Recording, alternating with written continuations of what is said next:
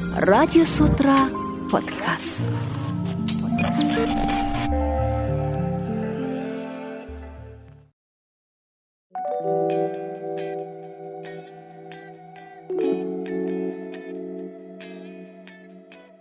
Сонсогч танд энэ өдрийн мэндийг хүргэе. Гэрүүлээ радио Кегэл тренер Болормотой хамтран бэлтгэн өргөдөг Радио Сутра подкастын энэ удаагийн дугаар сонсогч танд хүрэхэд бэлэн болсон байна. Бид нар өнөөдрийн ярилцах сэдэв бол жирэмсний үеийн болон төрсний дараах бэлгийн харилцааны талаар ярилцсанаа. Ер нь жирэмслэх төрөх үйл явц нь эмэгтэй хүний бие махбод сэтгэл зүйн амьдралд гарч байгаа томоохон өөрчлөлтүүдийн нэг гэж үздэг юм байна. Яг жирэмсэн үед ямар ямар өөрчлөлт эмэгтэй хүнд гардаг юм. Энэ үед нөхрүүд эхнэрээ яаж ойлгож, яаж харилцах хэвээр энэ чэнэс яриагаа их төлөв гэж бодож байна. За, нөгөө л өмнөх подкастуудаар бас хэлжсэн тий. За хамгийн түрүүнд жирэмсний үеийн бэлгийн амьдрал ярахаас өмнө эмэгтэй хүн жирэмсэн болоход анханасаа ямар мэдрэмж одоо ирдэг вэ гэдэг тий. Одоо жишээ нь нэг юм байдаг. Ялангуяа Монголд аягүй төлөвлөлтгүйгээр жирэмслэлт бас үүсгээд байдаг учраас тэгтээ ер нь төлөвлөлттэй бол бас нэг ингээд маш их баярлах тий хажуугаар нь бас айц орж ирнэ. А төлөвлөлтгүй бол маш их хэмжээний айцыг эхлээд 2 зураас хараад эмхтэн мэдэрдэг байхгүй юу? санаа зовнох айхтай юу илээ одоо би чи яах вүлээ тэрнийхээ дагуу нөгөө эмгтэн хүн чинь 1 минут паникт ороход тэрэн дээр нэлээд н цагийн бодчихдаг шүү дээ. Ямар хүчтэй 2 зураас вэ тий. Тий. Айгүй хүчтэй. Өшөө бүр одоо нөгөө яаж баг те төрхүүлээ ингээд үүрэг хариуцлага тэрийг дагаад маш их зүйлүүд ундраад гараад ирдэг учраас тэр болгоныг одоо бодоод ирдэг. Тэгэхээр хүний ер нь айцын мэдрэмж эргээ тарих мэдрэлийн систем айцын мэдрэмж авна гэдэг маань өөрөө тухайн бие физиолог нөгөө гадны ямар нэгэн зүйлээс сайн гэдэг маань хамгаалалтын горим руу шилждэг байхгүй юу. Буцаагаад өт хүртэл ингээ хатгахаар нөгөө бие хураадаг шиг тий. Ерөнхийд бол нэлээд тэрнтэй хамааралтай даврын өөрчлөлтүүд орно. Сэтгэл санаагаар бас нэг өөр байдал үүснэ хүн болгонд ихтэй харилцаа адилгүй өөр өөр эмоционалууд гарч ирнэ. Аа дахиад дээрэс нь одоо бид нар чинь ерөөсөө нэг бие дотроо дахиад нэг биеийг үүсгэж байгаа учраас урд уртайхаасаа илүү их шимтгэлтэй эрдэстэй хоолунд илүү их ажлын одоо тэнцвэртэй байдал илүү их хайр халамж илүү их ад жаргалыг хүсдэг. Аа тийм учраас яалтчгүй энэ одоо процесс маань жирэмслэх төрөх процесс маань өөрөө эмэгтэй хүний хувьд бол маш том одоо хүчин нөлөө болтгоо. Нэгдүгээрт хоёрдугаарт дахиад дээрэс нь бид нар нөгөө жирэмсүү мэдээж ураг томрох тусмаа одоо тодорхой хэмжээгээр асуудал тийм нэгсэндээ дотор эргэтнүүдийг дээш нь доош нь шахаас өсвүүлээд арцэг оролын булчин дээр одоо ачаал нэмэгдэхээс өсвүүлээд бидний өдөр тутам нөгөө шээс зад гарал дээр бас яригдчихсэн. Ойрхон ойрхон шин гэдэг мэн маш их хүнийг стресстүүлж амьдралын чанарыг устгах идэг гэдэг. А гэтэл жирэмсэн эмэгтэй бол тодорхой хэмжээгээр давсагны одоо дүүргэлт маш бага хувьтай байж ш тэрийг ялгаруулахгүй бол дээрээс нь нөгөө ураг өстой умаа минь дараад ирж идэг те. Тэгэхээр ерөөсөө шингийн муулаа нь бол шингийн муулаа нь бол хүн нөгөө хэвийн 7-оос 12 удаа өдөр ингэж нөгөө 24 цаг түтгэн шигнээ гадагшлуулдаг байдал хит огцон ингээ ихсээд ирнэ гэдэг мэн. Нөгөө л нэг дахиад дараагийн одоо сэтгэл готрол сэтгэл зовнил тэгэл нөгөө мэдээж яалтчгүй сайхан төвлөрсөн шүн унтах ёстой байдал тэ давсаг дүрэл бас жишээлэх болчдөг ч гэдэг юм уу тэ энэ алга маань бас нэг бивслогт маш хурцлыг авчирдаг. За бэлгийн амьдрал дээр бас түрүүн подкастуудаар ярьжсэн бас тавтан тавтан гарч ирж байгаа агуулгууд бас зөндөө байгаа учраас аль болохын бүх подкастаа бүх дугаараар нь сонсч иж энэ танд цогц бэлгийн боловсрал болно шүү гэдгийг дахиад нэг анхааруулад хэлээ тий А нэг сэдв дээр нэг агуулгыг бас арай дэлгэрэнгүй яриад байгаа. А тухайн одоо өнөөдрийн подкастер дуртад өнгөрч байгаа тийм. А тэгэхээр бид нар нөгөө эмэгтэй хүн одоо Монголд ялангуяа монгол эмэгтэйчүүд айгүйх нөхрийн төлөө бэлгийн амьдралыг бас нөхөрт таатай байлгахын төлөө ямар нэг үйлчлэгнүүдийг хийлгэж идэг трендээ те дахиад дээрэс нөхрийн төлөө бас нэг бэлгийн амьдралыг айгүй хязгаарлагдмал байдлаар барих гэдэг. Уг нь бол нөгөө эмэгтэн ч өөрөө дур тавилтыг айгүй сайжруулах хэрэгтэй. Өөрийнхөө таашаалыг нэмэгдүүлэх хэрэгтэй ч гэдэг юм уу. Зөндөө мэдээлэлүүд өгсөн. Аа яалтчгүй маш их хяналтанд ор. Ерөөсөн анхны зөвлөх нь маш их мэрэгжлийн эмчийн хяналтанд ороод бүрэн одоо ургаа хянуулаад өөрийнхөө биевийг хянуулаад А ингэсний дараа тэрнээс шалтгаалж бас бэлгийн амьдрал гарч ирнэ л дээ. Шууд жирэмсэн үеийн бэлгийн амьдралыг бол та шууд бэлгийн харилцааг жирэмсэн байх үедээ тогтмол хийх ёстой. Эсвэл 5-аас одоо 7 сар хүртэл тогтмол байх ёстой энэ гэж болохгүй. Яагаад вэ гэхээр энэ өөрөө эмэгтэй хүний өөрийнх нь бие физиолог хамгийн гол нь тэр ургийн эрүүл тээлттэй маш их хамааралтай зүйл учраас эмчтэй байгаад эмчийн хяналтанд дор хамтарч энэ нас бэлгийн харилцаанд зөвлөмж авч явах хэрэгтэй Жишээ нь гэхэд одоо яаж эмхтэн жирэмсэн үедээ сэрлээ хөдлөх вэ? Огт сэрлээ хөдлөхгүйгээр нойтгонж те өтрээний орчин чийшлийг нэмэгдүүлэхгүйгээр бэлтгэхгүйгээр бэлгийн харьцаанд орно гэдэг чинь эргээд эмхтөнийг бэлгийн сулралт үүсгэж байгаа. Нэгдүгээр, хоёрдугаар бэлгийн харьцаанд ороход жирэмсэн үед эмхтэй хүн маш хөвдөлтийг мэдрэх магадлал өндөр байгаад идэг. Тэгэхээр эргээд тухайн жирэмсэн үедээ маш их өвдөлтийг мэдрээд бэлгийн харьцаанд ороод ах юм бол эргээд бэлгийн харьцаанаас таашаал авдаг тархины тэр нөгөө тохио алах болчдөг. Бэлгийн харьцаг дараа нь нөгөө төрсний дараа хүсэх байдал бас багасаад ирж байгаа тийм байх жишээ нь. Аа дахиад нөгөө ургийн тооноос айгуу чухал агаад байдаг. Бас бэлгийн харьцаан жирэмсэн үед зөв одоо орохгүй болвол айгуух тооноос өгдөг.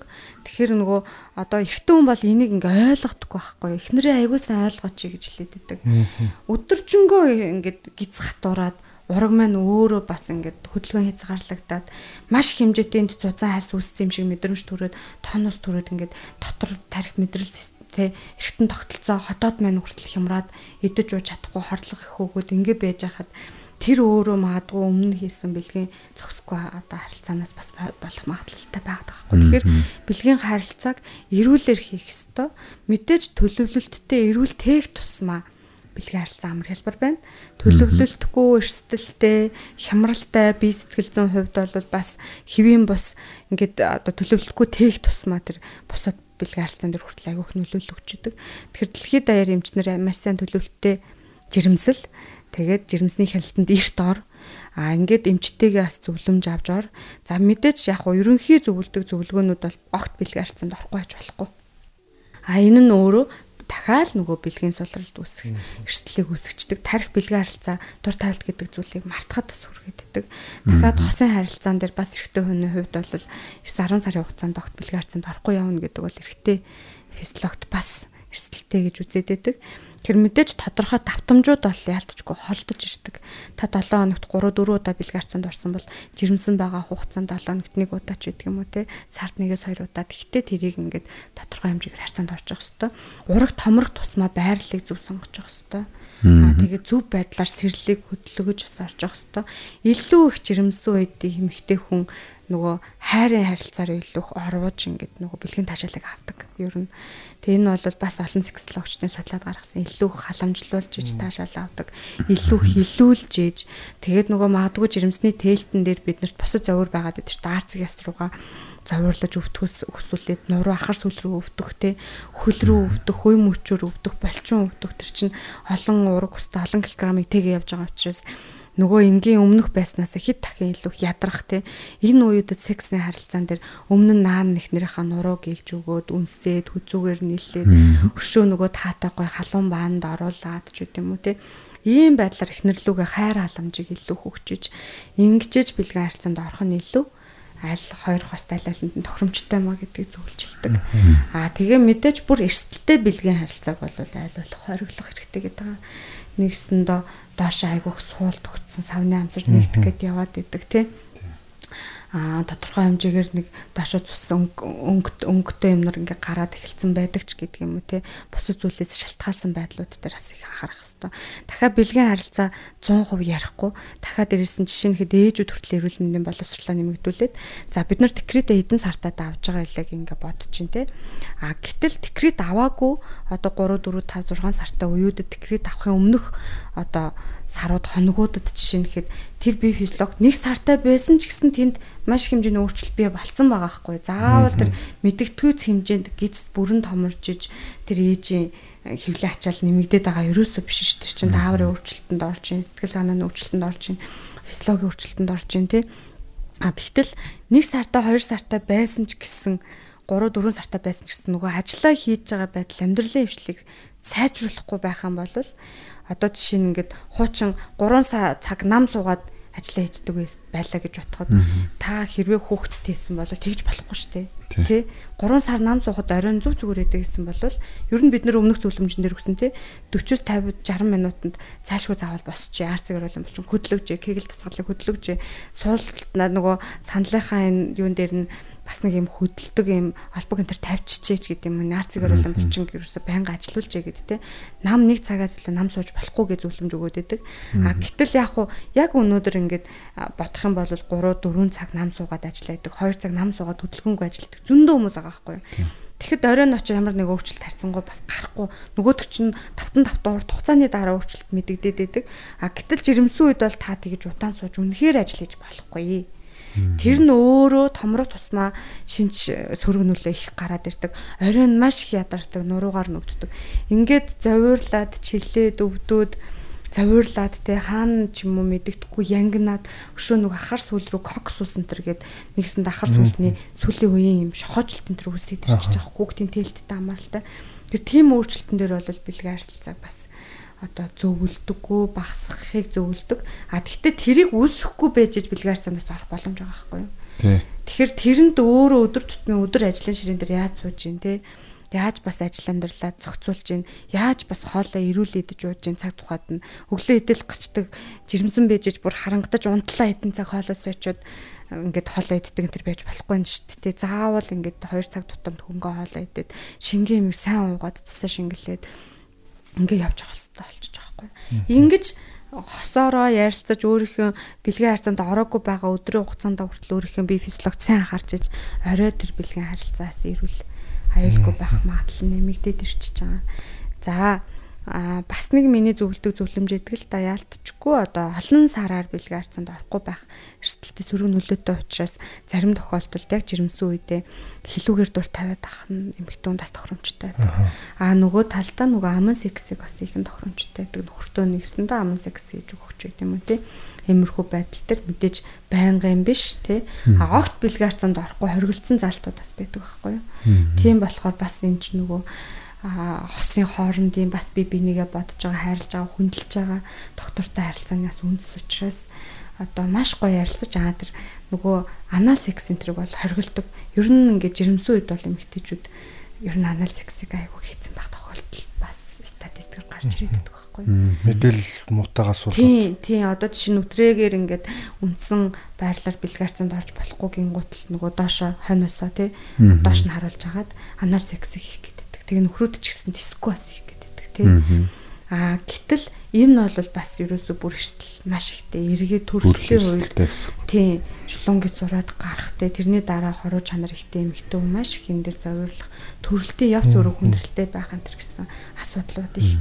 Тэгэхээр ер нь жирэмсэн үед ч гэсэн төрсний дараа ч гэсэн энгийн юу амьдрал дээр ч гэсэн бид нар нөгөө анал секс хийж аналаар л хүүхдтэй болж анаалаар таашаал авна гэж байхгүй. Өтрээгээ төгс хөгжүүлсэн, өтрээгээ гой мэдрэмжтэй болгоцсон үед бол энэ үр илүү байхгүй юу. Тэгээ энэ дээр хэдүүлээс нэг анал секс дээр бүр нарийн яриан дээр тий анал гэдэг чинь өөрөө түлхэх рефлекс тий. Өтрөөч өөрөө сорох рефлекс тий. А бэлгийн таашаал гэдэг чинь өөрөө эртээ эргэтэйдээ чимэгтэйдээ ч ямар байдаг вэ гэж судлаад үзэхэр нөгөө өтрөөний булчин хитрхи сулраад ирэх юм бол анал руу сорох гэдэг тийм талууд байдаг. А тэрнээс биш бол өтрөнөөс илүү таашилтай гэдэг зүйл огт байдаггүй. Энэ огт байхгүй зүгээр порно үзэж тэргээр аналыг жирэмсүүд битгий хийж гэдэг бас зөвлөж өгдөг. Тэгэхээр жирэмсний бэлгийн амьдрал бол яалтчгүй төрсний дараах бэлгийн амьдралтай ер нь бол бас их хамааралтай холбоотой явах гэдэг.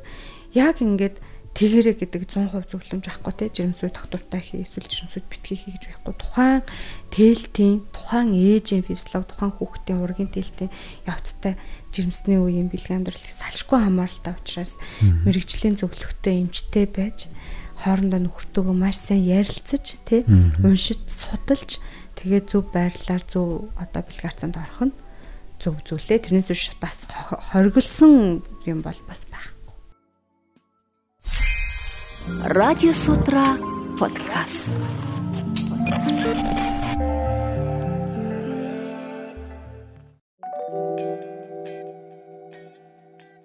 бид нар бас урдны подкастуудаар маш их ярилцсан байгаа. Төрөн бас хэлсэн. Урдны дугааруудыг нөхөд сонсох юм бол энэ бүгд хоорондоо уялдаа холбоотой явж байгаа шүү. Тэгээ нэг ийм ойлголт үүд юм байна л да. Эмэгтэйчүүдэд төрсний дараа бэлгийн сонирхол буурдаг гэсэн юм өрөөсгөл ойлголттой байгаад идэг. Та энэ дээр нэг тайлбар. Бэлгийн таашаал гэдэг чинь нөгөө одоо булчингийн үйл ажиллагаа, тарих мэдэр сэтгэл зүйтэй хамааралтай энэ мэн өөрөө дааврыг бүртүүлж идэг. Ир юм дааврыг тий бэлгийн дааврыг аз жаргал болон стрессийн даавар гэдэг ингээд хүнд чинь маш олон төрлийн даавар ялгарч идэг шүү дээ тий. Аа тэгтэл төрсний дараа бол яалтчгүй эн чи бид нар нөгөө биенээсээ би тасалж байгаа учраас нөгөө жирэмсэн байгаа хугацаанд маш хэрцгийг ураг руугаа ингээд хийцэн тий зарим ээжүүд бол өөртөө байхгүй өөрөө маш их ядарсан. мөртлөө ураг сайн байдаг. Зарим нь бол өөртөө аваад идэг мөртлөө ураг төрсөл үүсээд идэг тий энийг тодорхойлж тооцоолоход бас хэцүү. Маш сайн эрт нөгөө төрөний зөвлөлтгөр хяналтанд ор шинжилгээ сайн өгч явж ижил энэ дээр бас үр дүн гарах бах. Аа гэтэл төрсний дараа дахиад бид нар чинь ерөөсөө ингээд эмгтээчүүд бодлоо одоо ингээд мэдчихэж байгаа. Шингийн муула, шингэн хоол, ер нь хоол унд идлээ юм идлээ уула шууд хөрөө чимчгнэл сүү болол орж идэг байхгүй юу? Тэ? Бид нар юугаар амьдраад байгаа юугаар энэ эргэтэн тогтолцоо үүсээд байгаа гэхээр ерөөсөө цусны эргэлт цусан хангамж тэгэл бид нар энэ энэ өөрөө цусан хангамж цусны эргэлт сайн байх тусмаа эрцүүд витаминууд одоо юу гэдгийг тухайн биеийг үүсгээд байгаа бүхэл зүйлүүд өөрөө эрүүл байгаад шүү дээ. А тэгтэл төрсний дараа яалтчгүй даврын өөрчлөлтөнд энээс шалтгаалсан байдлаар ороод ирэхээр бол өөрчлөлт бол байдаг. Энэ дэр Жишээ нь гэхэд ямар өөрчлөлт өгдөг гэхээр маш их хүсдэг тохиолдол байдаг. Эсвэл бүр огт хүсгээ ячдаг тохиолдол байдаг. Дахиад төрөлтийн явц ямар яснаас шалтгаална. Бас аа ингээд нөгөө манай үйлчлүүлэгч бас ярьж байгаа байхгүй юу? Яана багшаа ингээд төрчөөд те эмнэлгээс гараад гэртээ ороод одоо өөр өөрө төрчөөд штэ. Гэртээ ороод ингээд нойлд орж сууж агаад нөгөө тойл тавиад хараа өөрийнхөө эргэтэнд дурлал энэ төр гэл бас зөвлөмжүүдийг өгдөг байхгүй гоё бааж танилцт те зургаараа ч YouTube-ээс ч гэсэн ингээ хараад үз. Бид нар ямар тогтолцоотой юм ямар бүтцтэй юм гэдгээ те гэдэг юмгууд л нөгөө харсан байгаа байхгүй. Тэгсэн чи яг нөгөө дүнгэж төрснийг нэг хэдхэн хоногийн дотор нэг 2 хоногийн дараа ингээ харахад чинь бас жоохон хавдартай ийм мэдрэмж байгаа шүү дээ чи өөрчлөлт орсон те Тэр чин буцаад нөхөн төлч чинь энэ бол ингээд эрүүл физиолог байхгүй ерөөсөө асуудал биш. А гэтэл тэрэн дээр нөгөө буруу байдлаар өөрөө харчингуудаа ингээд тархиндаа өөр автоматар аягүй стрессийн даваа ялгаруулад амар ингээ стресстэйсэн нөгөөд ингээ онцгүй харагдсан ч үдэмж ойдл модл хэлэхээр бас хэцүү шттэ. Ер нь хүнд төрөлтэй ах тусмаа. Тэгэхээр жирэмслэлтийг төлөвлөөд төрөлтийг аягүй сайн зөв удирдах те ингэж эрүүл зөв төрүүлэх гэдэг нь дараагийн даавар тарих мэдрэл сэтгэл зүй төрсний дараах бэлгийн амьдралтай их хамааралтай болчих. Бид нар ерөөсөө ингээд яг төрсний дараа юм байна, тийм байна гэсэн юм байхгүй. Тэгэхээр ерөөсөө эрүүл байдал, эрүүл физиолог ямар байх ёстой, яаж төрдөө, яаж тээдээ, юуг анхаарах юм, төрсний дараа яах юм, би физиолог юм гэдэг эрүүл мэндийн боловсрлоо сайн аваа яваад хахад энэ дээр айх айдас бол харьцангуй багасаад ирчихдэг байхгүй. Мэдлэггүй учраас л бид нар буруу мэдээллийг аваад буруу юм хорлож харчаад л байгаад шүү дээ. Тэгэхээр бас яг энэ ямар байснаас шалтгаалаад бүх зүйл өдөртдөгдөг учраас яг бүрэн юм байна тийм ээ гэж байхгүй. Гэхдээ яг тэр дааврын өөрчлөлтнөөс шалтгаалаад бол хөсөг хөсгүй байх энэ гэж байдаг. Аа дахиад одоо Бразилийн бас нэг мундаг эмчийн судалгаагаар эмэгтэй хүн зарим тохиолдолд хүсдэг хүсгүй гэдэг шүү дээ. Тэгвэл аа төрхийн өмнө огт дур тавьж үзээгүй мөртлөө төрсний дараа анхудаа дур тавьж үтсэн гэсэн кейс ч үүдэг. Эсвэл төрөлтийн өмнө дур тавьдаг байснаа төрсний дараа огт дур тавиха болсон гэсэн кейсүүд ч гэсэн зөндөөдөг байхгүй. Тэгэхээр энэ дээр ингээ хараад үзэхээр төрөлт бол эмэгтэй хүний хувьд уг нь бол хамгийн ашигтай зүйл байхгүй. Эрүүл зөв тэгээд эрүүл зөв төрнө гэдэг нь эмэгтэй хүний хувьд даавар болон одоо татвад болчингийн хувьд бол хамгийн одоо зөв зүйл ахгүй. Гэхдээ мэдээж эрсдэлгүй төрөлт шүү дээ. Ямар нэгэн харьцангийн ажилбар ахгүй, хоёрдол урагдл ахгүй юм төрчин гэдэг маань. Аа тэн дээр харин эрсдэлтэй л төрөх юм бол нөгөө байдал маань эсрэгээр эргэчих боломжтой. А энэ дээр нөгөө эрүүл зөв төрөлтөн дээр эмэгтэй хүний даавар бол илүү сайжирдаг, дур тавьж байгаа байдал илүү сайжирдаг. Яагаад вэ гэхээр арцыг оруулын булчин тэлэлт үүсэж байгаа учраас агшилт үүсдэг. Агшилт тэлэлт физиологийн агшилт тэлэлтүүд үүснэ гэдэг маань тэнд цусны эргэлт сайжирна, цусан ганц сайжирна, хөндөлжил буцаагаад агшилтууд сайжирна гэж үздэг байгаа. А тэгэхээр энэ дээр нэгдүгээр та анхаарах хэрэгтэй. Хоёрдугаар бас нэг Монголд нэг гараад идэг нэг зүйл болохоор төрсний дараа огт бэлгийн харилцаа руу анхаарахгүй тий анхаарах юм бол биднэрт одоо бэлгийн суларлаас сэргийлэх доктортой байх бүрэн боломж байдаг.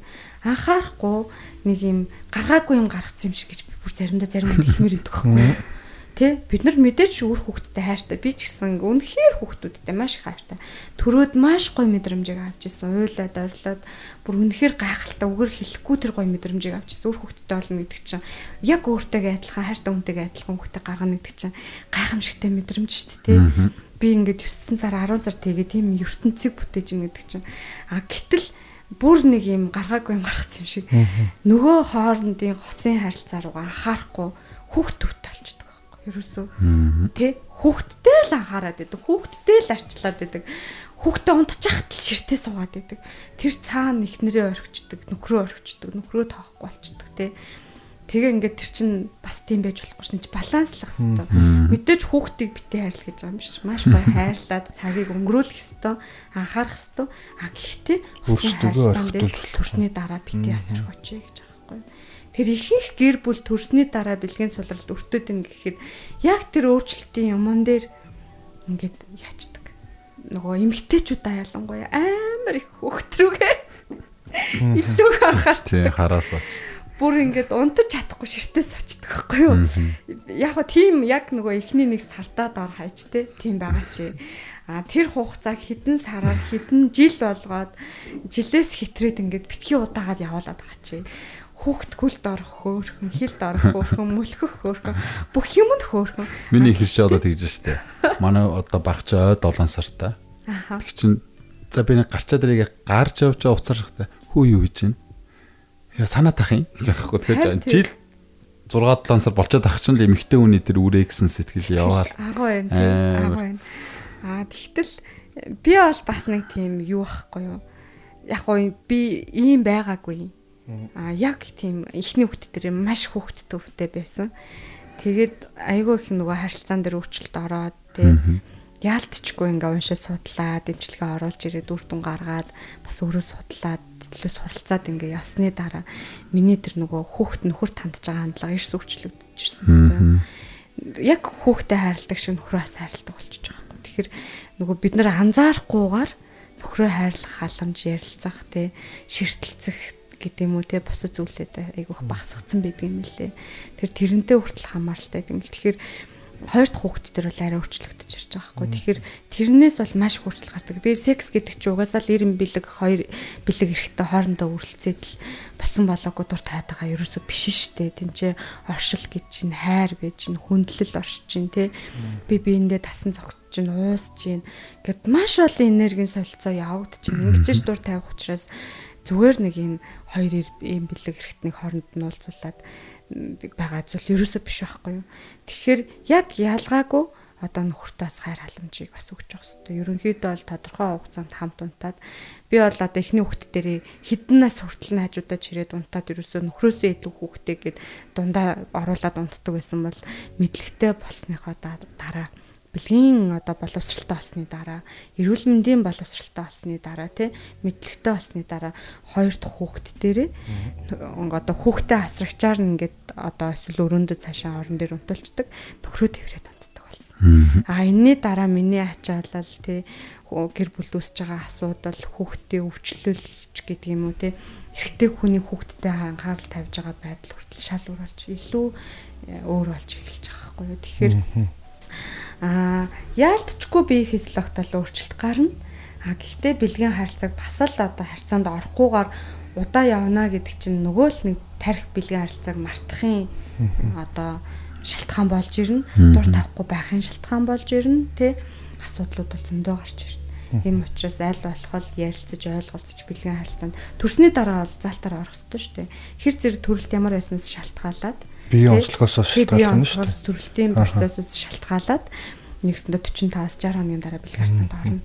А гэтэл нөгөө сэтгцийн хувьд бол нөгөө бэлэг эрэхтэн өөрчлөгдсөн гэж боддог ч байт юм уу те стрессддэг өөрийгөө голдог ч гэдэг юм уу те бас магадгүй гадаад үзэмжээрээ жоохон нөгөө хүл хүн чинь яалтчгүй сүү оруулахын тулд идэн нуун те ингээд нэг жоохон нөгөө хүүхд тэлтийн арьс агшаагүй байна. Өөрөөсөө ичдэг те давра өөрчлөлтөнд ороод нөгөө цуг савны цав нөгөө сугны өнгө өөрчлөгддөг ч гэдэг юм уу те. Энэ зүйлүүдээс болоод айгүйх одоо өөрийгөө голох байдал сэтгэл готролтоос орж ирдэг. Тэгээ нөгөө нойр гудлууд айгүйх байдаг байхгүй хажуудад.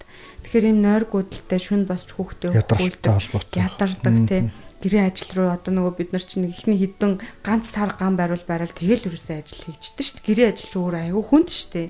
Ер нь тий өдөржингөө хоол ин гэдэг чинь цэвэрлэгээ хийн гэдэг чинь тэгээд ингээ нөхрөө хүлээгээд байж чинь чөлөөт цагаа бас нэгээд зөв зохистой өнгөрүүлэхгүй тий нийгмийн харилцаанд орохгүй хамт олонгүй байна гэдэг чинь эргэл стресс депрессийн шалтгаан болоод ирдэг. Тэгэхээр энэ болгон дээрээс үндэслээд бас ингээ бэлгар цаг мартаад хоошин тавиад орхиод ингээ явчихад идэг. Аа үгүй зүгээр өөрөөсөө битээч. Ер нь энэ нөгөө нэг аа бэлгийн таашаал гэдэг хоёр хосын хоорондын таашаал гэдэг бол гаднах биеийн үзмжээр гоо сайхнаар хязгаарлагддаг зүйл ерөөсөө биш ээ. Аа биеийн хилэмж, хайр халамж, үнэн тэр одоо би биедээ өгч байгаа хайр халамж орчлоос их шалтгаалаад идэг учраас энэ зүйлээ сайжруулаад зүгээр өөртөө ихтэй байгаа ч л гэдэг байгаа. Өшөө бил төрсний дараа бэлгаарцын тогтвортой эрүүл орсон ээжүүд маш хурдан ив хэмжээнд очдог.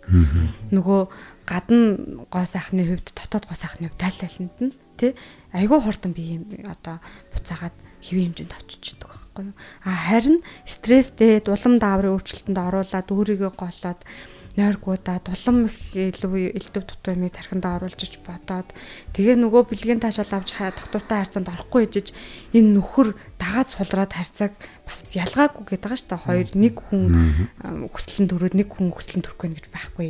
Эхнэр та өнөөдөр таны бэлгийн таашаалын хүсэл төрөхгүй л байгаа бол нөхөр тань шиг адилхан сулраад хүсэхгүй байгаа байхгүй. Тэгтэл цагаараа зохицуулаад байна төргээ буруу харыг бас битгий өөртөө төрүүлээ чинь хөрчин бас ялгаагүй ингээд мартцсан бэлгийн ажил гэдгийг мартцсан яваад байна. Тэгэхээр хоорондоо ярилцаж санаачлагтай тий. би биедээ хосууд өөртөө доор хаяж өдөрт 30 минутыг зөвхөн хойлохно гэд. 24 цагийн 30 минут за 8 цаг унтлаа гэж бодоход тий 7 цаг унтлаа гэж бодоход үлдэгдэл цагийн 30 минутыг яагаад зөвхөн хойлохно би биедээ тэрвэрлээд хөвтээд өнөөдрийг яаж өнгөрүүлсэн магадгүй тий. Одоо зүгээр ядаж юм ярьдгүй маа магадгүй нөгөө өдөржингөө яриад дийшсэн хүнийг орой их яриулах гад идэг гэл хос харилцаан дээрээс гарч ирээд идэг штэ. Гэтэл бүр нэг ярьдгүй маа гэхэд тэрвэрлдээд зүгээр нь гоё мэдрээд ингээд те нүдрүүгээ ширтээ тайр ташуугээ хиллээд байж болохгүй.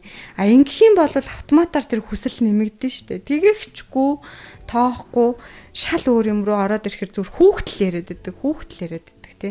А би бол одоо сүлдө тэгж сүлж байгаа хүүхэд чинь ингээд өсвөр насн дээр ирээл найз нөхдөйм тиймгээл те яадаг нь тэгээ ард нь таны насан туршийн туршиг тулгуур хийм бэ? ерөөсөө л хань ахгүй юу? Тийм тэр хүүхд хүртэл хантай болол яваад өгнө шүү дээ тий бид нар өөргээрээ одоо хүүхдээ эрүүл зөв тээж төрүүлж өсгөж хүмүүжүүлэх үүргээл сайн сайн ээж аа байхын тулд тэрэн дээр нь илүү сайн анхаарах хэрэгтэй болохоос биш хитрхи их эрхлүүлж бүх цагийг тэр хүн зориулснаар эргээд бас тийм биш те. А тэрэн дээр бас нэг илрэл юу вэ гэхээр энэ нэг хадмын харилцаан дээр бас нэг яриануд гарах гад идэг байхгүй юу? Ер нь айгүйх нөгөө хадмын амралтай ярих гад амьдрах гад идэг. Нөгөө талдаа хитрхи хүүхдтэй бүх цагийг зарцуулаад явхаар хүүхд хүнтэй суугаад гарахаар баг нөхрөө алдчих байгаа юм шиг мэдрэмж авахгүй тий. Тэгсэн хэрнээсээ нөхрөө татахгүй. Бүр ингэж ийм харилцаа үнэхээр бас Монгол зөндөө юм аа. Бүр нөгөө хүүхдэд харж таашаал Үгүй шүү дээ та нөхрөө арч таашаал авал та. Нөхртөө таашаал өгөл төө. Тэ нөхрөө ингэж э, хосын харилцаа гоё ялгаал та. Тэрнээс биш тэр хүүхэд бол их нэртэй гоё нөхөртөө гоё хэрэгтэй. Тэгэн гут л хүүхдийнхээ амьдралд оролцоолт чинь нөгөө байнгын зурлалтаж ингэж тэ нөхөртөө биш хүүхдтэй илүү хин гэсний л бас араа дараагийн гарч байгаа зүйл л тэ гэж би бол боддог. Манай одоо ирчүүд маань жирэмсэн альсвал одоо төрсөн их нэртэй байвал эхнэрээ маш сайн ойлгох хэрэгтэй байх нь байна.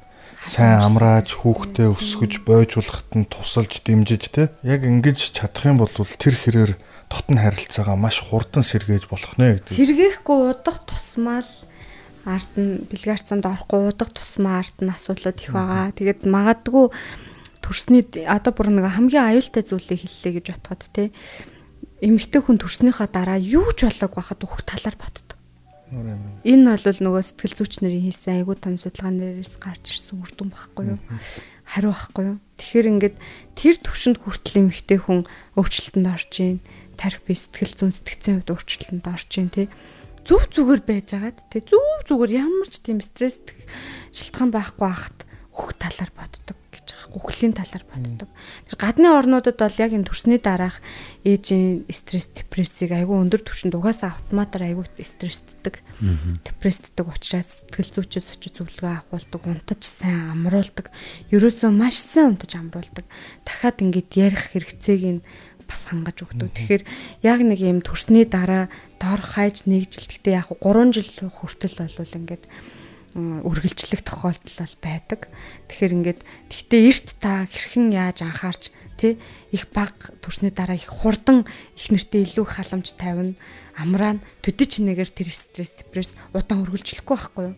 Тэр тэрэнд анхаарахгүй яваад л дээрэс нь нэмээд л ах юм бол энэ мэн өөр ингээд 3 жилээ хүртэл ингээд тэгэхэд чинь хайран бидтэй ингээд 3 сарын дотор их нэрийг гой болгоод очих юм дээр бүхэл бүтэн өөрөө 2 жил те 9 сарынхаа амьдралыг там болгоод яах вэ чинь бас амьдрал шүү дээ те Тэгэхэд энэ хүн ийм байлаа дараагийн хүн тийм зүгээр ирүүл байна гэж байхгүй байхгүй юу? Хүн болгоо эмгтэн хүн болгоо адилхан учраас төрсний дараас өөрчлөлт нь адилхан өгдөг учраас та одоо байгаа их нэрэл гоё хайрлт. Тэгэхгүй болохоор бас нэг тийм манай ихнэр л аашлаад байна ч гэдэм үү те нөгөө нэг тийм бас бодол энэ төр байгаад байдаг. Үгүй ээ танай ихнэр ганцраа ааштай яг төрсний дараа л бүх ихнэрүүд ааштай. Тийм манай ихнэр ч ааштай. Төрсний дараа бүгд адилхан. За баярлалаа. Энэ түрээд өнөөдрийн жирэмсний үеийн болон төрсний дараах бэлгийн харилцаа сэдвэр ярилцсан подкаст өндөрлөж байна. Дараагийн дугаараар эргээд уулзтлаа. Түр баяртай. Яа баяртай Радио Сутра подкаст танд хүрэлээ. Та манай подкастыг www.1045 цэгмэн болон гэр бүлийн радиогийн подкаст цугуудаар бүлээн авч сонсоорой.